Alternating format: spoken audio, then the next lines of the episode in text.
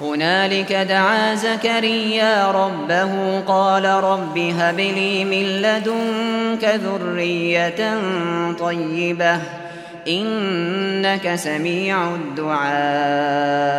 فنادى ربه نداء خفيا ودعا دعا ودعا ربه وقال ربي هب لي ربي هب لي من لدنك ذرية طيبة.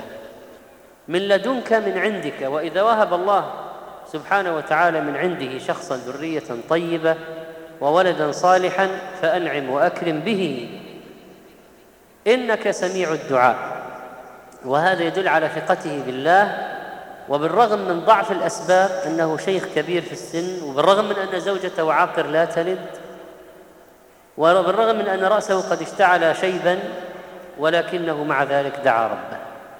دعاء موقن بالله. إذ نادى ربه نداء خفيا قال رب إني وهن العظم مني. واشتعل الرأس شيبا ولم أكن بدعائك رب شقيا وهن العظم وضعف. هذا ضعف الباطن العظم من الداخل.